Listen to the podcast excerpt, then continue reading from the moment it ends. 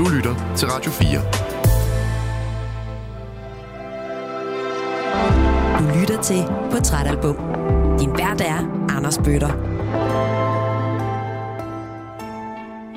Rigtig hjertelig velkommen tilbage til Portrætalbum her på Radio 4, hvor ugens gæst er radio, podcast og tv-vært Maria Fantino. Lige nu der lytter du til del 2 af ugens udsendelse, som i øvrigt er optaget i slutningen af november 2023, men i anledning af opstarten på den nye sæson af X-Factor, hvor Maria Fantino er den nye vært, så bliver det her sendt til dig, kære Radio 4-lytter, her i begyndelsen af 2024. Og har du ikke hørt del 1 af den her udsendelse endnu, så vil min lyddesigner Emil Germod og jeg meget gerne opfordre dig til, at du skal lytte til den allerførst. Det er faktisk ret vigtigt. Maria hun har valgt albummet Frangers af Danske Mew, når der skal tegnes et portræt af hende. Og i den første del, der fik vi tegnet et rigtig fint portræt af en øh, pige, der med dine egne ord kommer fra en ret privilegeret del af København, hvor far han har haft held til at købe en kæmpe stor lejlighed for sit SU-lån. Ingen penge. Dengang han var studerende. Ja. Øh, Du voksede op i et trygt hjem med en dejlig hund, og du har en god veninde, der hedder anne Sofie, som virkelig har nogle musikalske kalorier i sin familie. Og af den vej, jamen, så får du præsenteret noget musik, som måske er, øh, hvad skal vi sige, øh, ikke noget, som langt de fleste 10-11-årige lige bliver præsenteret for.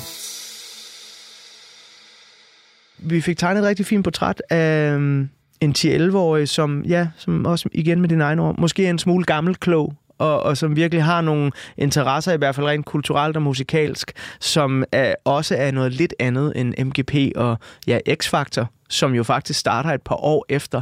Mener første sæson er 2008. Ja, syv eller otte. Ja. Ja, måske otte, og så går jeg i syvende klasse. Ja. Det lyder rigtigt. Ja, der var du alligevel rimelig præcis der, fordi mit, den nærliggende spørgsmål var jo, det er noget, jeg slet ikke har spørge om i del 1. Nu er du ny vært på X-Factor selv. Så du X-Factor dengang det startede? Er du gal? det gjorde jeg. Jeg havde... Øh, jeg var en af dem, der var kæmpe fans af Martin. Ja. Og jeg kan huske, at DR på det tidspunkt havde sådan noget med, at, som var meget hot. Altså kunne du sætte en sms, og så kunne du få en sms-tone med noget. I de gamle blade, kan du huske, så kunne du sætte en Ja. MMS, og så kunne du købe øh, 50 cent med Candy Shop som Yes. ringetone og sådan noget.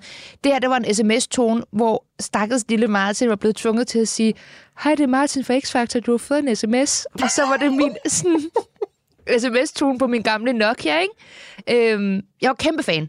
Wow! Og jeg kan huske på skolen, så er der nogen, der havde sat posters op med, at øh, man skulle stemme på Laura, som jo var hende, der blev nummer to, mm. fordi hun var god, og Martin sang bare med næsen. Og så lavede printede jeg nede på biblioteket øh, posters med, at man skulle stemme på Martin. Altså, det var det fyldte så meget. Ja. Øh, især dengang. Altså, Ja. da X-Factor, det tog bare hele Danmark med storm. Så ja, jeg har virkelig set det, og jeg var inde og se, jeg tror, det er sæson to eller tre, der var inde og se generalprøven sammen med min klasse. Wow. Hvor jeg også bare var sådan, det her er for sindssygt. Sådan, jeg vil så gerne være med til at lave det her.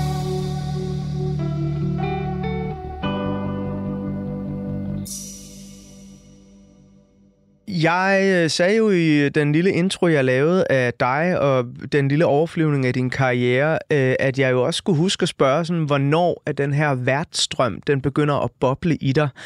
Fordi som jeg kender dig, som jeg, jeg har set dit drive hen over alle de år, du har lavet Curlingklubben på øh, ungdomskanalen P3, jamen, så, så virker det virkelig som noget, du brænder for, og noget, du gerne har ville. Er det sådan allerede i den her tid, altså omkring der, hvor det første X-faktor kommer, at du begynder sådan at tænke, det der, det vil jeg også. Ja, men øh, jeg tror altid, at jeg har, øh, jeg har været den, der har hæmmet mig selv mest. Og jeg kan huske, dengang jeg så Lise Rønne stå og lave generalprøve, og hun havde sådan nogle sindssygt høje stiletter på, og så bare så godt ud. At der tænkte jeg, øh, jeg vil sindssygt godt være med. Jeg kan ikke synge, så jeg kan ikke deltage. Øhm, og jeg kan heller ikke være vært, fordi jeg er ikke lige så pæn som Lise Rønne. Altså hun er bare sådan en lille bitte petit kvinde, ikke? I de der høje det der. Sådan, sådan kommer jeg nok aldrig til at være. Så måske kan jeg få lov til at feje gulvet, eller hvad, der, der stod sådan nogen, der gik rundt og ligesom øh, koordinerede ting. Så sådan, måske kan jeg blive sådan noget. Øhm, jeg har sådan en gammel seddel fra noget studievejledning i anden eller tredje G, hvor der står i sådan en lille boble til, øh, over i hjørnet, sådan, hvad vil du gerne være? Og der har jeg skrevet sådan, jeg vil egentlig gerne være vært, Men det kan man jo ikke være. Så måske skal jeg studere medietilrettelæggelse, eller sådan. Jeg var meget pragmatisk, og det er også fordi, jeg har nogle forældre, der selv har kontorjobs, altså jurister og øh, 9 to 5, ikke? Så jeg var selv sådan, at man kan jo ikke blive vært. Altså sådan, det, det, det var for, øhm, der var sgu for meget jantelov hos mig. Øh, så jeg var meget sådan, så kan jeg blive det, eller det, eller det. Øhm, men jeg har altid gerne ville det, og det har jo altid siddet igennem sprækkerne på mig. Altså da jeg gik på højskole, jeg kom jo hele tiden til, næsten uden jeg sådan tænkte over det, at lave ting, hvor jeg så kunne være vært. Sådan, så kan vi lave en leg, og så er jeg verden, der præsenterer. og da jeg var lille, jeg ville jo altid gerne, når mine forældre spillede øh, Jeopardy, jeg ville så gerne læse spørgsmålene op, fordi det var jo værtstjenesten Ja. at få lov til at holde sædlen Ja. og stille spørgsmålene. Og sådan, altså det der med at, at være vært, få ordet, øh, styre slagets gang, sådan, jeg elsker det. Øj, der, der er lige, det ved jeg ikke, om du kan se på mit ansigt, der er lige en pære, der er tændt i min hjerne, en 10 der er faldet. Ja. Det der med at sidde og spille brætspil, og Ja. gerne være, vil være den, der læser spørgsmålene Var op. det også dig? Jeg er 43 nu, Maria. Jeg har det stadig sådan. Jeg glæder mig mest til, det bliver min tur, fordi så kan jeg læse spørgsmålene op for de andre. Også fordi nu er jeg så selv sygt dårlig til paratviden, og Ja. med tre hjernerystelser igennem livet og så Ja. videre, er der sket noget med min hukommelse.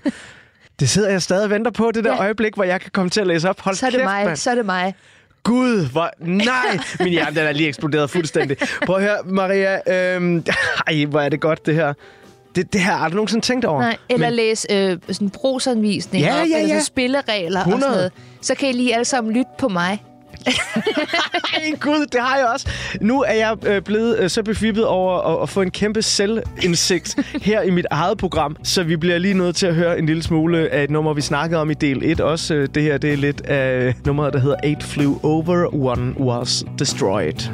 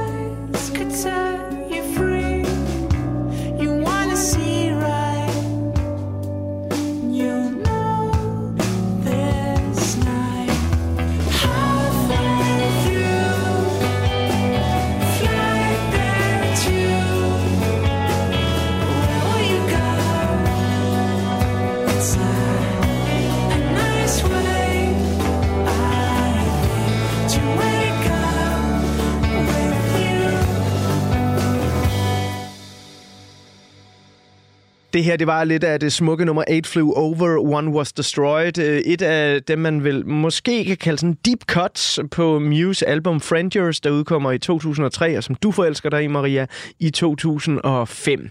Øhm, jeg lovede lytterne, at vi jo også skal have tegnet et portræt af dig her i 2024. Den nye X-Factor-vært. Nogle lyttere vil kende dig fra P3, hvor du igennem seks år har lavet Curlingklubben. Sindssygt populært program. Du har vundet mange priser for det, og heldigvis samarbejdet med din gode makker Christian Bunde, det fortsætter i jeres podcast Fantino og Bunde her i 2024. Men vi hørte i del lidt om, hvem du ligesom var som 10-11-årig, og øh, derfor så er det jo passende at bladre op på en side af portrætalbummet, hvor der er et billede af dig her i 2024. Mm. Og der kan det rent faktisk være en selfie, mm. hvor du kigger direkte ind i kameraet. Den slags var ikke helt opfundet lige i 2005 endnu, men, men sådan tæt på. Hvad er det for en øh, 29-årig Maria Fantino, der kigger ud på Radio 24's lyttere lige nu? Hvor er du sådan øh, henne i livet her i slutningen af året? Du sagde jo det lidt, du har haft et, et ret vildt år, mange Ja. nye begyndelser. Men hvor står du sådan øh, lige nu her? Altså, vi sender jo det her i januar 2024. Men Jeg tror, hvis det skulle være et selfie, så ville det nok være, som er en meget ny ting for mig, et billede af mig i noget X-Factor-tøj. Ja. Fordi øh, at det havde jeg jo ikke tænkt over. Øh, men når man laver X-Factor, så har folk jo mange holdninger til ens tøj, og de vil også gerne vide, hvor ens tøj er fra. Så efter jeg havde lavet audition, så fik jeg at vide, har du husket at tage billeder til din Instagram? med tøjet. Hvor jeg var sådan, nej, hvad snakker jeg om? Så nu er det blevet sådan en ting, at de minder mig om, nu tager vi lige nogle billeder til din Instagram, hvor jeg står helt akavet og skal posere i det. Så jeg tror, at billedet nu forhåbentlig er et billede af mig, der er lidt mere komfortabel i at stå og skulle vise noget tøj frem, og også repræsentere den del af X-Factor, som er verden, og holdninger til verden, og hvad verden har på.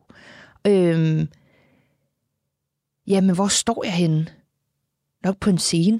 Mm-hmm. Eller jeg går meget mere i afslappet tøj nu, end jeg gjorde for bare et år siden. Okay. Fordi nu skal jeg i hvert fald en gang om ugen virkelig stases op. Øh, altså, jeg har shapewear, der går helt op til BH-kanten, og stiletter og alt muligt, ikke? Øhm, og nogen, der ordner mit hår og lægger pænt makeup på mig. Det er så dejligt. Ej, det er ikke fedt, jeg, jeg skulle... Det er så skønt, men det betyder også, at nu gider jeg ikke at, øh, at have makeup på særlig mange af de andre dage. Øh, før i tiden, der var jeg meget forfængelig og ville ikke gå ud for en dør, uden jeg havde lagt makeup. Og nu så er jeg sådan, folk må godt se mig med, med uren hud og fedtet hår nede i, i supermarkedet. Det er lige meget. Det er ret sjovt, at der skulle en x-faktor til det. Jeg siger ikke kun det er det, men jeg, altså, fordi jeg har det jo sådan lidt omvendt af dig. Det, altså, jeg er forfængelig, men jeg er nok også rigtig meget radiovært. Mm. Forstået på den måde, at øh, altså, vi kunne i princippet sidde i studiet i joggenbukser, eller Ja. det er bare ingenting øh, at sende radio, og ingen vil bemærke det i vores stemmer. Ja. Og det har jeg altid godt kunne lide, mm. fordi jeg var sådan, "Jamen, så kan jeg bare være mig. Og det er jeg også, når jeg går ned i netto. Og nogle gange min kæreste sådan, ah, Skulle vi lige skulle tage vi nogle bukser på? Ja. Ja, præcis. Skulle vi lige have lade være at have de der grå joggenbukser på? Ja. Jeg har så dog noteret mig, især hos uh, unge piger, lige her for tiden i uh, slutningen af 23, starten af 24. Det er pisse meget på mode med grå joggenbukser. ja. Så prøv Og høre. nattøjsbukser. Ja, og jeg har gået i mine nattøjsbukser så mange år nu, at jeg er kommet på mode i en alder af 43. at det endelig lader sig gøre. Det, det, det sker på et eller andet tidspunkt. Ja.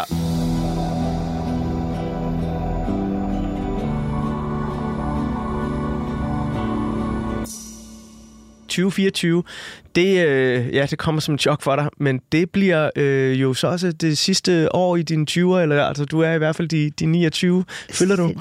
Øhm, Ved du hvad, jeg er også ret klar på at blive 30. Øhm, jeg synes, i starten af mine 20'er, der talte man meget grimt om det at være i 30'erne. Der var ens liv om. Og jo Ja. tættere jeg kommer på det, også bare som tiden er gået, jo mere minder 30'erne, ligner det i hvert fald, som en meget afslappet version af 20'erne. Jeg synes ikke, det at have været i 20'erne har været særlig fedt. Det har været fedt at kunne sige med mig i 20'erne. Jeg kan da huske, der var der mange år på DR, når jeg sagde, at jeg er 22, jeg er 23, jeg er 24. Altså chefer og mellemledere, de var sådan, ej, hvor er du ung, hvor er det fantastisk. Og ah, man fik så meget ros for, at man var i en eller anden alder, som du har 0% kontrol over. Men øh, jeg har haft det sindssygt dårligt i 20'erne. Det er rigtig tydeligt, at øh, min hjerne ikke var færdigudviklet i en stor del af 20'erne. Der har været så meget tristhed og dårlig selvværd og selvtillid og det ene og det andet. Og jeg er så klar på forhåbentlig at lægge meget af det fra mig. Allerede nu kan jeg jo mærke, at der er langt fra Maria, der startede Køneklubben som 22-årig, øh, til hvor jeg er nu. Og jeg er et meget bedre sted.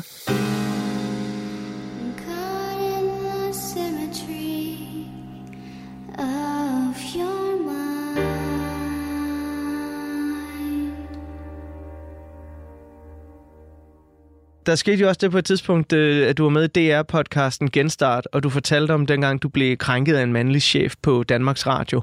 Og der tænkte jeg meget, kan jeg huske, da det skete sådan, altså først og fremmest, yay, way, der er nogen, der tager bladet fra munden her. Mm. Det er mega fedt. Jeg har selv været en del af Danmarks Radio på det tidspunkt i rigtig, rigtig mange år, og den, øh, ja, undskyld mig, rådne kultur, der også er en del af, af kulturen der. Ja. Øh, men da du fattede det mod, og du stillede det op, og du gjorde det her, og du jo til og med, i hvert fald over for HR-afdelingen, afleverede et navn på den chef, og du ikke var anonym osv., så, videre, så, videre, så det kunne få konsekvenser. Havde du der tanker i baghovedet om, hvad kan det her få af konsekvenser for mig? Altså, kan jeg nu blive vært for X-Factor for eksempel? Ikke at det var på, på tale Det lige på det tidspunkt. pointe. Øhm, ja, jeg tænkte meget på, hvordan min lytter ville tage det.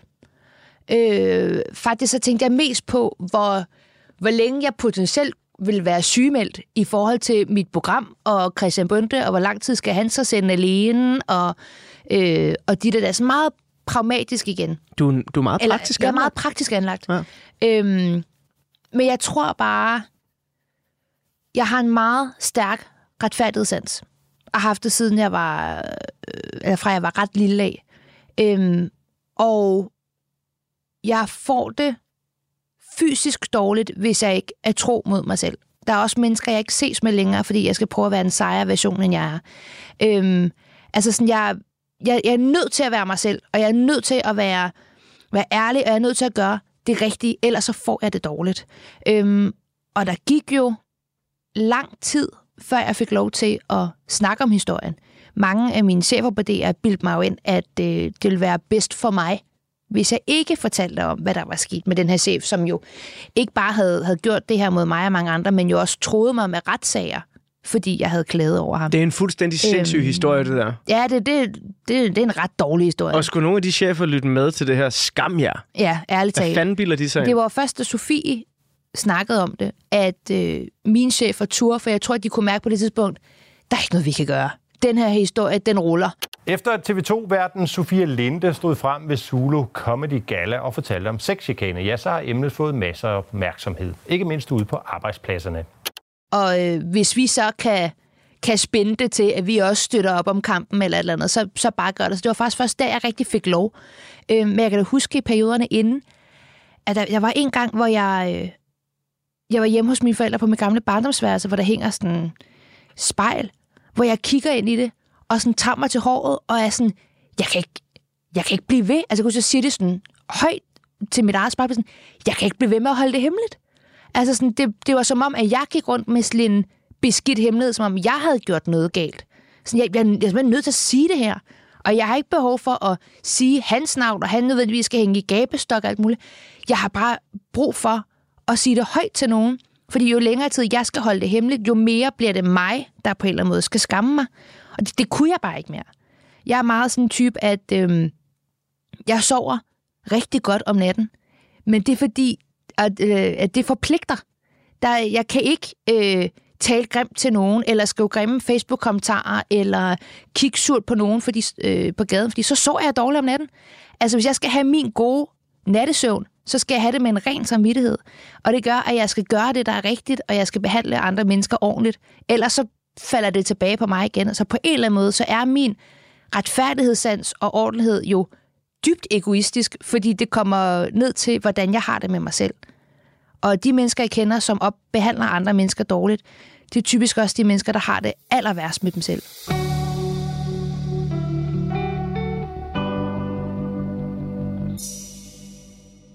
Tror du, at det har haft negative konsekvenser, at du gik ud, sagde sandheden, stod på din ret og ligesom sagde, at det her det er forkert?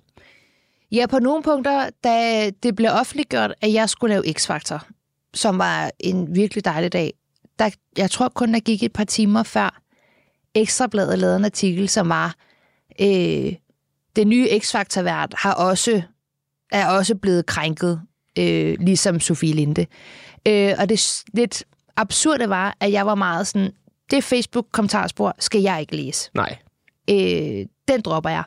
Men så om aftenen, der blev jeg tagget af nogle øh, aktivister, der, de havde lavet en, øh, en Instagram-story, hvor de var sådan, Hallo, Ekstrabladet, det her er ikke okay. Og så de taggede mig i det her story, men, men posten på den her story var screenshots af de værste kommentarer fra det Facebook-spor. Oh, Så jeg, der hele dagen havde prøvet at undgå at læse det, fordi så ville det ikke eksistere i min verden, blev bare sønderbumpet i en story. det er Men sådan en bouillonterning af had. Ja, værste kommentar. Så nu ved jeg jo, hvad folk mente. Og det var så grimme ting, de skrev om mig, at, øh, at jeg blev meget chokeret lige da det skete. Og fældede også en enkelt tårer. Men det på en eller anden måde påvirker mig faktisk mindre, end jeg troede, fordi det var... Når noget bliver så hårdt, så er det også som om, at det næsten mister sin mm. kraft. Ja. Når folk skriver, at de hellere vil stikke pikken i et stødjer, øh, stødhegn, end at stikke pikken i mig, og personen hedder Mogens, og en gammel mand. Så er man sådan, hvad, hvad er det her? Jamen, det er lige ved, det lyder som en mandrill-sketch, jo. Fuldstændig. Altså, så, så bliver det så absurd, at det næsten ikke er, er sårende. Ja. Det er det der stadig, og jeg har ikke lyst til at læse de her kommentarer. Men der kunne jeg jo mærke, at det var sådan, okay, men hvis jeg ikke havde klaget, Ja. så havde Ekstrabladet ikke kunne køre sådan en artikel. Og så havde der måske ikke allerede nu siddet nogen, der var klar til at kalde mig krænkelsesparat.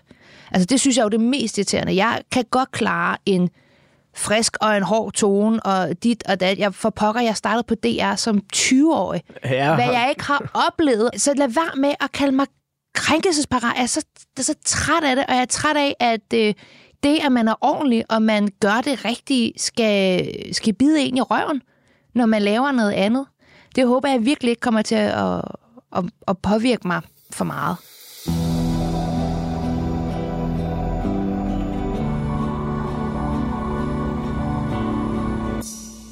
Vi skal øh, tilbage til musikken, fordi der er øh, noget, der jo også melder sig, når man nu har mødt et album som Frangers, som øh, 10-11-årig, begyndte at blive sådan decideret forstået og set af det som 12-13-årig, og man nu er på vej ud af 20'erne og ind i 30'erne.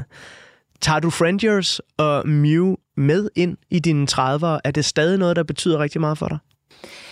Ja, de betyder noget andet for mig nu end dengang, fordi det er... Øhm, at lytte til Frangers er lidt ligesom at give lille Maria et varmt kram.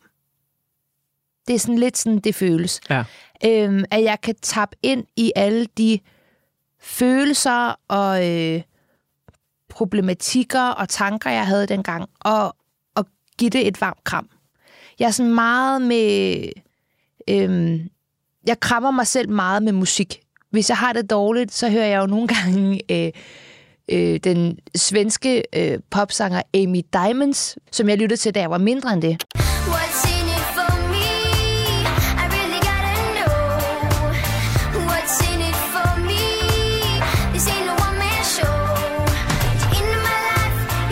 Man skal huske at være god mod barneversionen af en selv.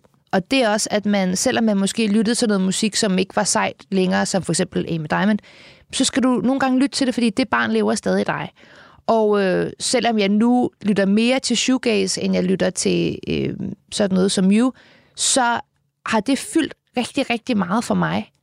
Og øh, det har været en stor del af mit liv, og den, den del skal jeg huske at ære og respektere. Vi øh, skal have en lille smule af et nummer, vi også snakkede lidt om i øh, den første del af ugens øh, portrætalbum, og når vi har hørt lidt af det, så kommer jeg simpelthen til at stille dig det umulige spørgsmål om, hvad titlen det egentlig betyder. Her kommer 156.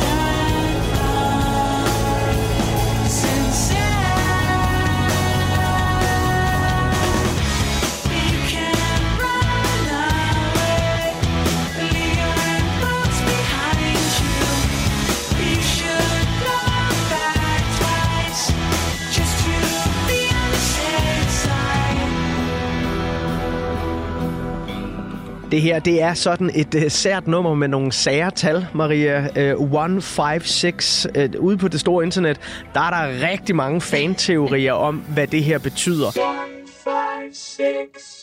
Altså, jeg har sågar læst sådan noget som nogen, der har slået op i Bibelen, og så ligesom fundet ud af, det første, der bliver nævnt i Bibelen, det er Gud. Det næste, der bliver nævnt sådan i kapitel 5, eller hvad, hvordan de nu deler det op, det er mennesket. Og det, der så bliver nævnt i kapitel 6, det er menneskets jord. Så det er Gud, menneske, jord, alt muligt batshit crazy. Du godeste. ja, idéer om det. Har, har du selv et bud på, fordi Mew vil jo ikke ud med, hvad det her betyder. Jeg har set et interview med Jonas Bjerre, frontmanden så sent som i 2013, hvor, hvor en japansk fan spørger ham sådan, so what is the meaning of 156? Og han er sådan, no, Nå, det vil han slet ikke. det vil han stadig ikke sige. Altså, jeg prøver at huske tilbage til, hvad jeg troede, det, be, det betød dengang. For jeg kan huske, der var nogle forskellige teorier. Øhm, men det eneste, jeg kan tænke på nu, var, eller er, betyder det overhovedet noget? Ja, ja Fordi hold da op, hvor har jeg lavet mange novelleanalyser i øh, dansk i gymnasiet, hvor man har analyseret alt muligt, hvor jeg et par år senere tænkte, det tror jeg faktisk ikke Helle Helle tænkte over, da hun skrev den novelle. Og jeg ved egentlig ikke, om de, om de har tænkt noget, om der er så stor en mening, eller om de har tænkt, det lyder meget godt. Ja, det lyder meget fedt. Øh, det lyder sgu da meget godt. Men det er også det, der er fedt ved Mew, det der med, at øh, store følelser, store armbevægelser, stor plads til teorier og mystik og tænke sin egen ting. Øhm, jeg kan huske igen det der med, som jeg nævnte tidligere, at jeg ikke rigtig kunne engelsk så godt, da jeg lærte French at kende. Der er mange tekster, som jo først senere sådan, når det betyder det. For eksempel i uh, Am I Right, hvor han synger Don't pull the carpet from under me. Jeg troede, at carpet var øh, et, øh, hvad hedder det, du har, et gardin. Ja, Så jeg var sådan, hvordan kan han være på gardinet, og flyver han? Og, altså det der med, at du laver de der ting, ja, fordi ja. du ikke rigtig forstår så meget, også fordi du for pokker er et barn. ja. øhm, men 156 har jo betydet meget for mig. Altså, som jeg nævnte før, det der med, at man skulle tage billeder af det. Vi fejrede jo også Mew-dag, som var den 15. i 6. Ja. 156. Ja. Så mødtes alle os Frangers, øh, alle os Mew-fans, og lavede forskellige ting. Og der var én gang, og jeg har været lidt i tvivl om, jeg skulle fortælle det, fordi hvis det havde været et amerikansk band, så kunne jeg bare give den los. Men det, der er lidt akavet ved Mew, er, at det er et dansk band. Danmark er et meget lille land. Jeg kender en, der har gået til hockey med Bo, og jeg var i metroen sammen med Jonas Bjerre for nyligt, så jeg er lidt bange for, at de synes, det bliver creepy. Men der var en gang til Mew-dag, da jeg går i 6. og 7. klasse, hvor jeg og min veninde Astrid, vi mødes, og vi havde fået tip om, at Jonas Bjerre boede i Lyngby. Fordi der var en, der hed Agnete, som jeg mente, hans kæreste var. Der er en, der hed Agnete Bjerre, nogen havde fundet på de gule sider. Det er så creepy, det her. Øhm. Så vi skriver små breve til Jonas mm. og køber blomster. Og så går vi fra København til Lyngby, Okay, der er langt. som er ret langt, fordi vi ikke rigtig har... Jeg tror, vi når at tage en, en enkelt minibus, men vi kan ikke finde ud af bussystemet, vi har ikke rigtig nogen penge til det. Kommer til det her område, hvor det bare er ret tydeligt, her bor Jonas ikke. Og det er en Agnete Bjerre og en eller anden, der hedder Henning. Eller et eller andet. Altså det er sådan, han bor ikke her. Og så står vi der med vores breve og vores buketter, og har også lidt sådan hvad var det egentlig, vi havde tænkt os? Vil vi putte de her breve i hans postkasse? Altså det er da også creepy. Øhm, men jeg har holdt mange Mew-dage, da jeg var mindre. Jeg elsker den her dedikation til et band, og øh, for de Radio 4-lyttere, der har siddet og ventet på det, og måske ikke aner, hvad Mew er, jeg ved godt, det kommer lidt sent i udsendelsen, men jeg synes simpelthen, at vi skal bladre op på en side på portrætalbummet, hvor der så er et billede af Mew. Og som oftest før, når jeg bladrer op på den side, hvor der er et billede af bandet, så males de første penselstrøg af musikerportrættet med lyden af en gammel kassettebåndsdemo.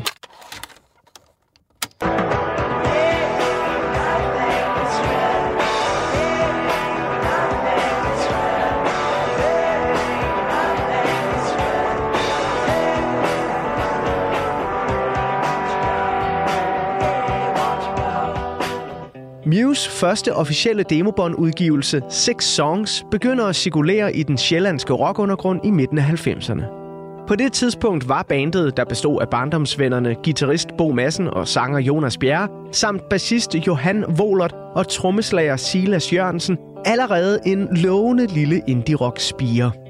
I slutningen af 1995 spillede de vigtige koncerter på den Aarhusianske Spot Festival og det københavnske spillested Stengade. Og i marts 1997 udgives bandets første single, I Should Have Been a Chintai For You, som blandt andet bliver et hit i Danmarks Radios vigtigste ungdomsmusikprogram, Det Elektriske Barometer.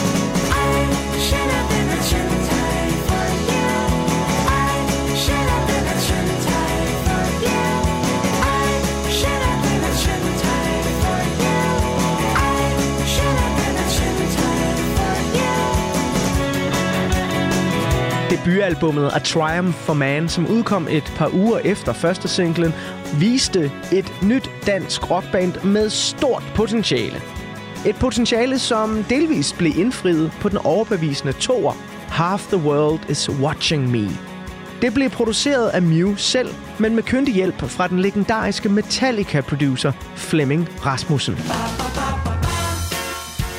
Igen var Danmarks Radio og det elektriske barometers lyttere gode til at støtte op, og numre som Saliva og King Christian blev en del af soundtracket til det nye årtusind. All I do is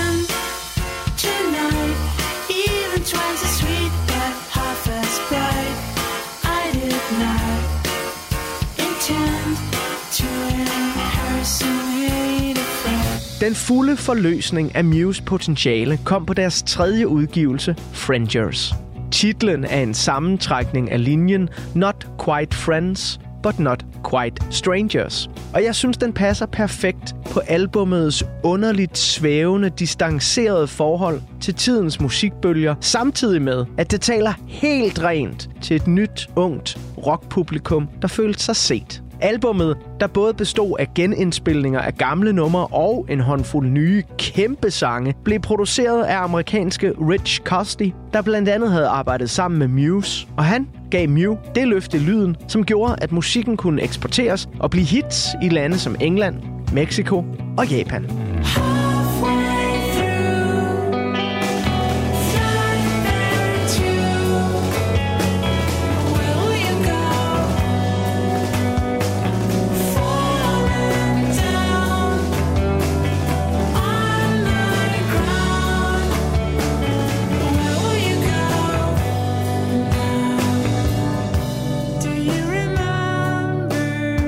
Har altid været og er til dels stadigvæk et band, som foretrækker at gøre så meget som muligt selv.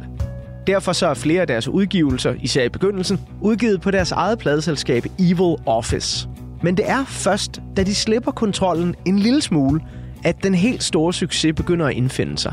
Frangers albumets amerikanske produktion gav bandet den internationale opmærksomhed, som blandt andet ledte til, at Mew kom med som opvarmningsband på en del af R.E.M's europæiske turné i 2005.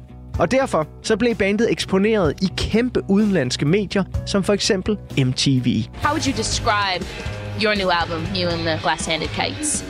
I think maybe we got a bit tired of being so controlled all the time, you know, so thought through every song, so that we uh, decided to do uh, an album that had both of the, uh, you know, it's, it's very intuitive record, it's very spontaneous, some of it, and uh, some of it is really, you know, well thought through.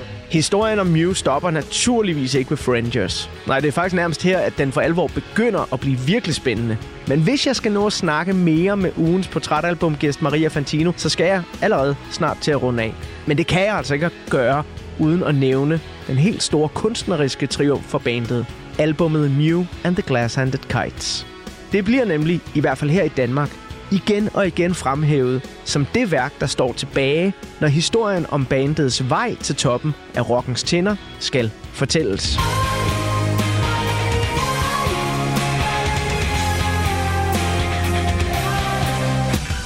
Den amerikanske producer Michael Beinhorn, som blandt andet har stået bag kæmpe albums med Red Hot Chili Peppers og Korn, gav Mew et progressivt løft, og sammen skabte de det album, som året efter blandt andet gav Mew fire priser ved Danish Music Awards. Årets danske album, årets danske rockudgivelse, årets danske gruppe og årets sanger.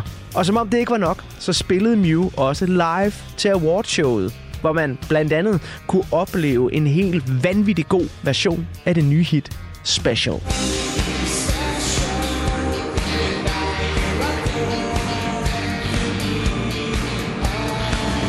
I 2006 viser de første ridser i rocklakken sig, da bassist Johan Volert forlader bandet.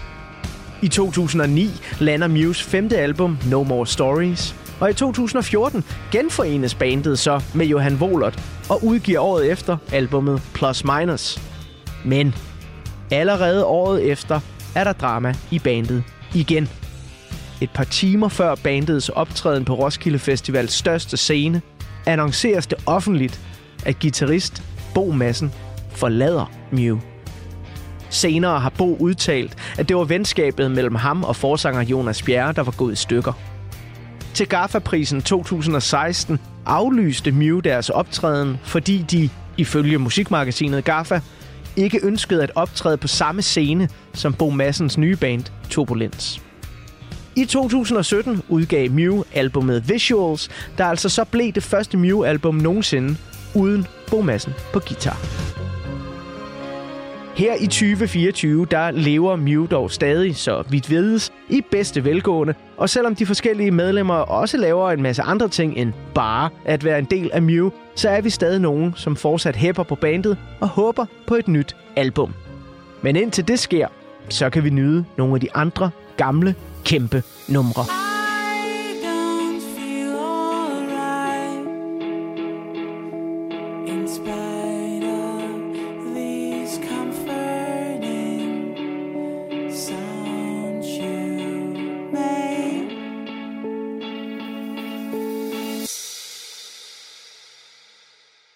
Det var en øh, kort lille bouillonterning over øh, Muse karriere, og nu ved jeg ikke, Maria, om du er sådan en af dem der, der lidt hænger fast i fortiden øh, til de gode gamle albums, du hørte i dine øh, barndoms- og teenageår, eller om du sådan har fulgt med helt op til sådan noget plus minus og visuals, og, og bandet stadig havde en relevans for dig der. Nej, ikke rigtigt. Jeg kan huske den Roskilde-koncert, hvor Bo ikke var med. Det var sindssygt. Ja, og jeg kan huske min veninde, der ringer. Øh, en af mine gamle øh, Mew-venner. Og græder. Og, og, og det, det var kommet ud. Var det, i- var det i Gaffa, eller der var en eller anden sådan underlig form for pressemeddelelse. Og så gik det lidt tid, så skrev Roskilde Festival det også. Og det var så mærkeligt. Og jeg kan huske, øhm, det har nok været den koncert, det der med, så fik de en anden stand-in. Ja. Og bare kigge på det, og være sådan, det er ikke, øhm, det er ikke, det er ikke rigtigt. Nej. Øhm, og, og gå fra koncerten, det, det er første gang, jeg er gået fra en Mew-koncert. Du gik simpelthen Jamen, jeg fra kan den. huske, jeg var for ked af det. Ja. Altså sådan, ikke hvor jeg græd, men jeg var bare sådan helt øhm, tom. Og var sådan, det her, det, det er for mærkeligt. Øhm, jeg kan også huske, at jeg var på Northside i 2014 forrest, da Johan kom tilbage. Åh, oh, har det ikke været en vild oplevelse?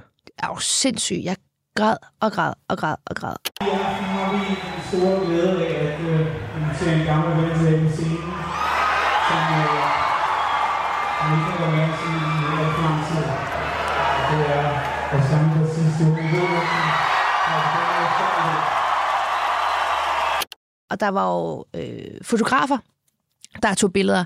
Og jeg havde godt set, at der var nogen, der havde taget et billede af mig og, og filmet mig lidt, men det var ikke rigtig det, jeg var fokuseret på. Og jeg fandt ud af bagefter, jeg var jo konstant på den der store skærm.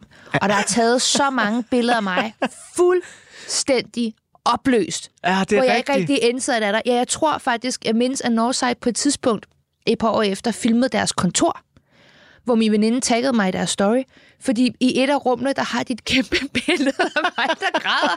Er sådan, hvad er det for noget?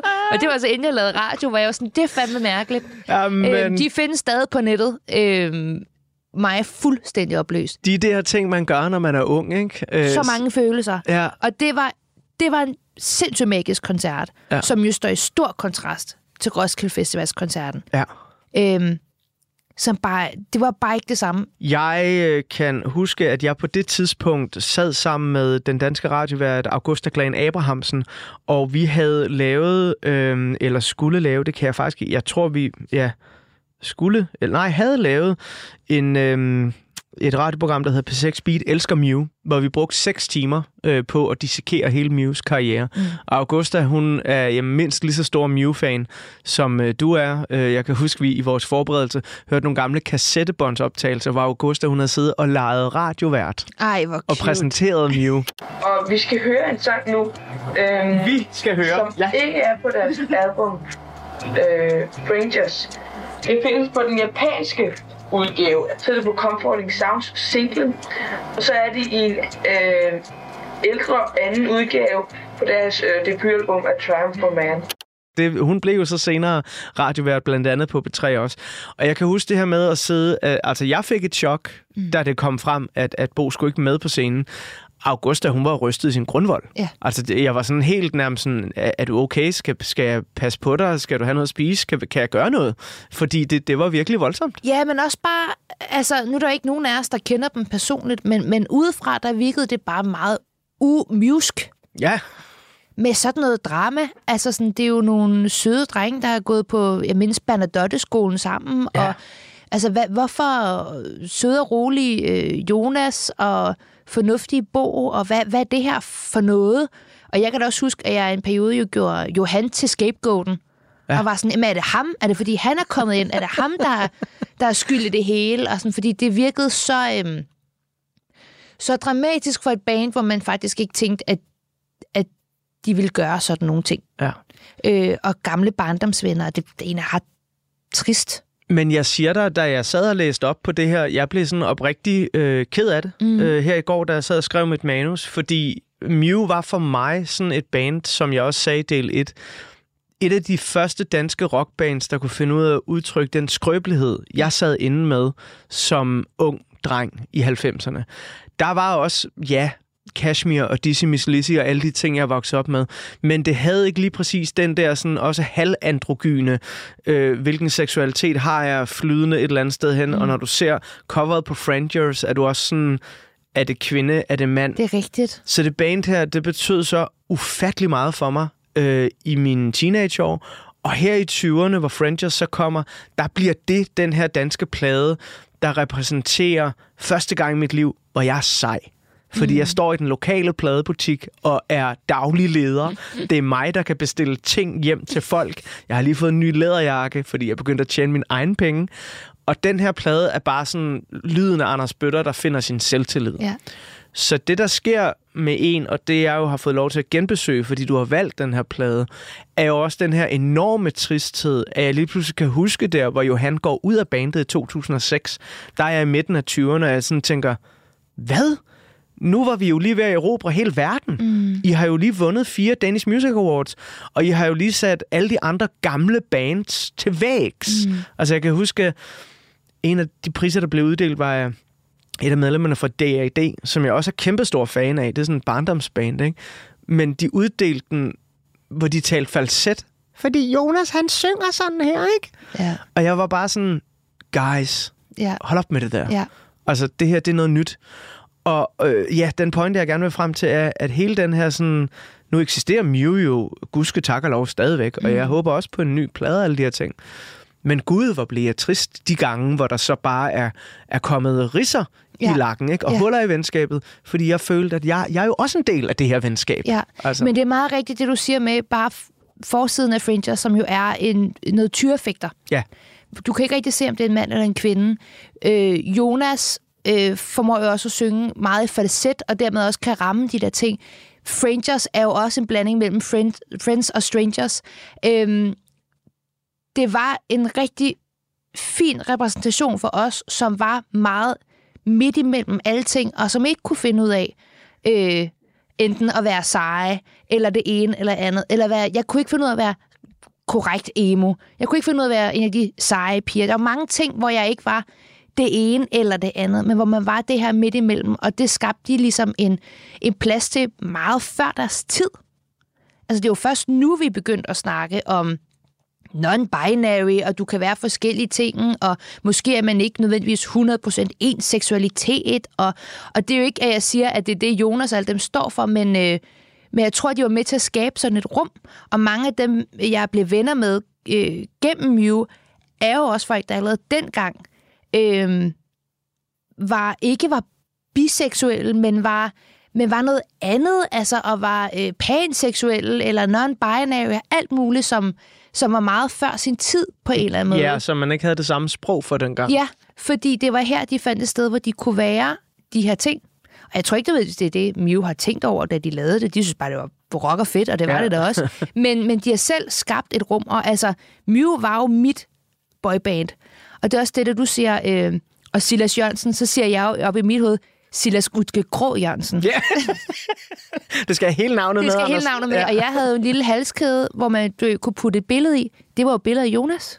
Åh, Jeg havde et lille billede af Jonas Bjerre øh, i sådan en amulet ja. øh, halskæde. Altså, de var virkelig mit boyband, og jeg havde posters af dem på mit værelse. Det er jo også derfor, at det er det fuldstændig øh, rigtige band og den rigtige plade, du har valgt til det her afsnit af Portrætalbum. Maria Fantino, vi er i den grad øh, løbet tør for tid. Må jeg vise dig en sidste ting, Ja, ja, det må du med gerne. som jeg har taget med? Det er din Frangers-plade. Ja, som du kan se. Nej, må jeg lige se den? Må jeg, jeg, jeg modtager nu en CD, som, hvor coveret det er, er sådan ret smadret. Der er store flænger i det. Og så har det den her patina øh, på øh, toppen af den, hvor man sådan kan mærke, at den er helt ro. Ja. Og normalt sådan CD-cover, det er jo sådan glat. Mm. Øh, og det her, det er fuldstændig råt. Og så er det jo signeret af Jonas Bjerre. Ved du, hvorfor det er så rot? Nej. Det er, fordi jeg havde det med mig i min taske hver dag i tre år. In case, at jeg mødte en fra Mew. Og det gjorde jeg en dag i Vega, hvor han var inde og høre Ono Ono og Bæren Heaven, der spillede sammen.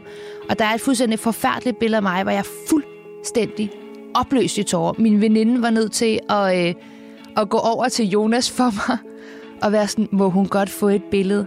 Og jeg havde nemlig CD'en på mig der, for jeg havde den i min taske hver dag. Ej. Uanset hvilken taske jeg tog med, om det var skoletaske eller noget andet, jeg havde altid den CD på mig. Hvor er det, det er helt fantastisk, du har den her med. Jeg tror jo på, at øh, altså, jeg er hverken spirituel eller religiøs, men, men jeg tror på, at fysiske objekter kan indeholde energier, ja. Som gør mig glad og, øh, og, og giver noget godt til programmet. Og det, det har det i den grad gjort, at du har haft den her i din taske, Maria. Mm. Øhm, Comforting Sounds spiller under os nu, og vi kan på ingen måde nå at høre hele nummeret. Øh, Så jeg vil opfordre alle Radio 4-lyttere til at sætte den på, når udsendelsen her den er færdig. Vi tager en lille bit smule af den, fordi vi skal til at runde af og bladre op på den sidste side af portrætalbummet, hvor der jo er fuldstændig blankt, fordi det handler om fremtiden. Øhm, Du har to navne, Maria. Mm. Dit kunstnernavn, hvis jeg må kalde det det, Maria Mhm. Fantino. Ja. Og dit fødenavn, Maria Emilie Prehn Hansen. Ja. Øh, jeg fandt simpelthen det skønneste citat i en artikel øh, om dig, hvor du sagde, jeg plejer at sige, det er Maria Fantino, der tjener pengene, og Maria Emilie Prehn Hansen, der betaler regningerne. Ja. Det synes jeg er den smukkeste måde at adskille det på. Hvis vi lige starter hos uh, Maria Fantino. Nu er du ny vært på X-Factor. Det er 2024, det er et nyt år. Men den større fremtid, det lange lys på bilen. Hvor vil du gerne hen? Øhm, jeg kunne godt tænke mig at arbejde på en højskole på et tidspunkt. Tror jeg. Sådan. Det, det, det, er, bare, det er bare mavefornemmelsen, der snakker der. Jeg kan godt lide, at du er så konkret. Det gad jeg godt. Ja. Øhm, og så vil jeg godt have mig nogle hunde. og, et, og, et, og et stort, flot hus, hvor jeg kan sy mit eget tøj nede i kælderen. Jeg ved, Alright. ikke, jeg ved ikke, hvad jeg kommer til at lave med min, med min karriere, hvilket er vildt skræmmende. Det er Men, ret øh, sjovt, fordi min næste, jeg er glad. mit næste spørgsmål, det er, hvad så med Maria Emilie Prehn Hansen? Hvad vil hun? Ja, og det er men- lidt det, du har ja, svaret fordi på nu. det er det samme. Vi, vi er jo den samme person. Vi vil bare gerne have det, have det godt og trygt, og hvis jeg kan få noget, der bare minder om en månedlig indkomst, Ja. så er det godt. Ja. Jeg kommer nok aldrig til at gå på pension, sådan er det jo også i den her branche. Øhm, så jeg må sætte min lid til, at det hele nok skal, skal gå, selvom jeg ikke nødvendigvis kommer til at lave det samme resten af mit liv. Så, så skal det nok gå alligevel. Maria, det har været en kæmpe stor fornøjelse at have besøg af dig her på Trætalbum. Det har været rigtig hyggeligt, tak. Åh, oh, det er jeg glad for. Ved du hvad, vi går ud på, øh, øh, verdens bedste lyddesigner Emil, han nu kan nå at klippe ind af Comforting Sounds. Og øh, så vil jeg på det kraftigste opfordre alle til at gå ud og købe det her album af Mew, Frangers. Høre det fra start til slut, og især det sidste nummer, Comforting Sounds, for det er sådan en opbyggelig mesterværkssag på omkring 9 minutter. Og så har Johan Wohlert afsløret over for mig, bassisten i bandet, i hvert fald dengang for cirka 10 år siden, da jeg spurgte ham, at det her, det er hans favoritnummer med Mew Det forstår jeg godt.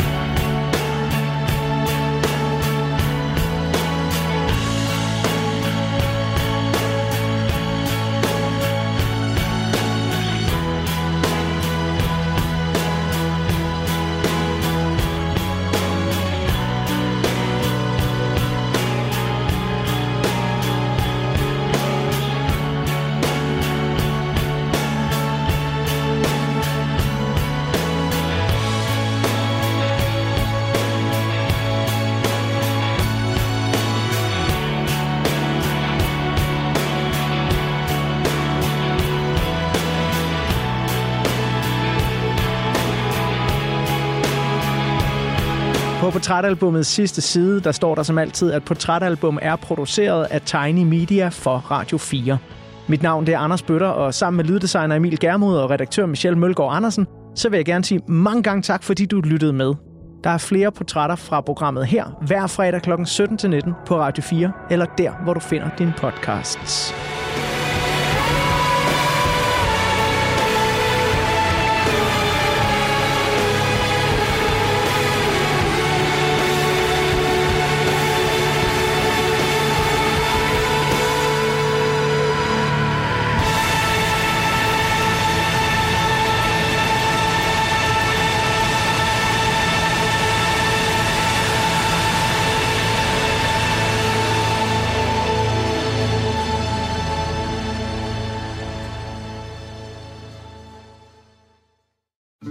Jeg, jeg ved ikke tal på, hvor mange gange jeg har hørt fra folk, ej, I er bare sådan power couple. Skilsmisse, livskrise og en familie, der pludselig skal være to. Og I kan bare det hele. Hver uge inviterer Marie Sloma Kvortrup en kendt dansker ud i sin kolonihave til en samtale om knuste hjerter, Og så knækker jeg fuldstændig sammen. Jeg falder til gulvet. splittede venskaber Der knækkede filmen. Der kunne jeg ikke mere. og hvordan man rejser sig og kommer videre. Og det gik jo også op for mig, at alt det, han har bildt mig ind, det er jo en stor fed løgn. Lyt til Skilsmissen i Radio 4's app eller der, hvor du lytter til podcast.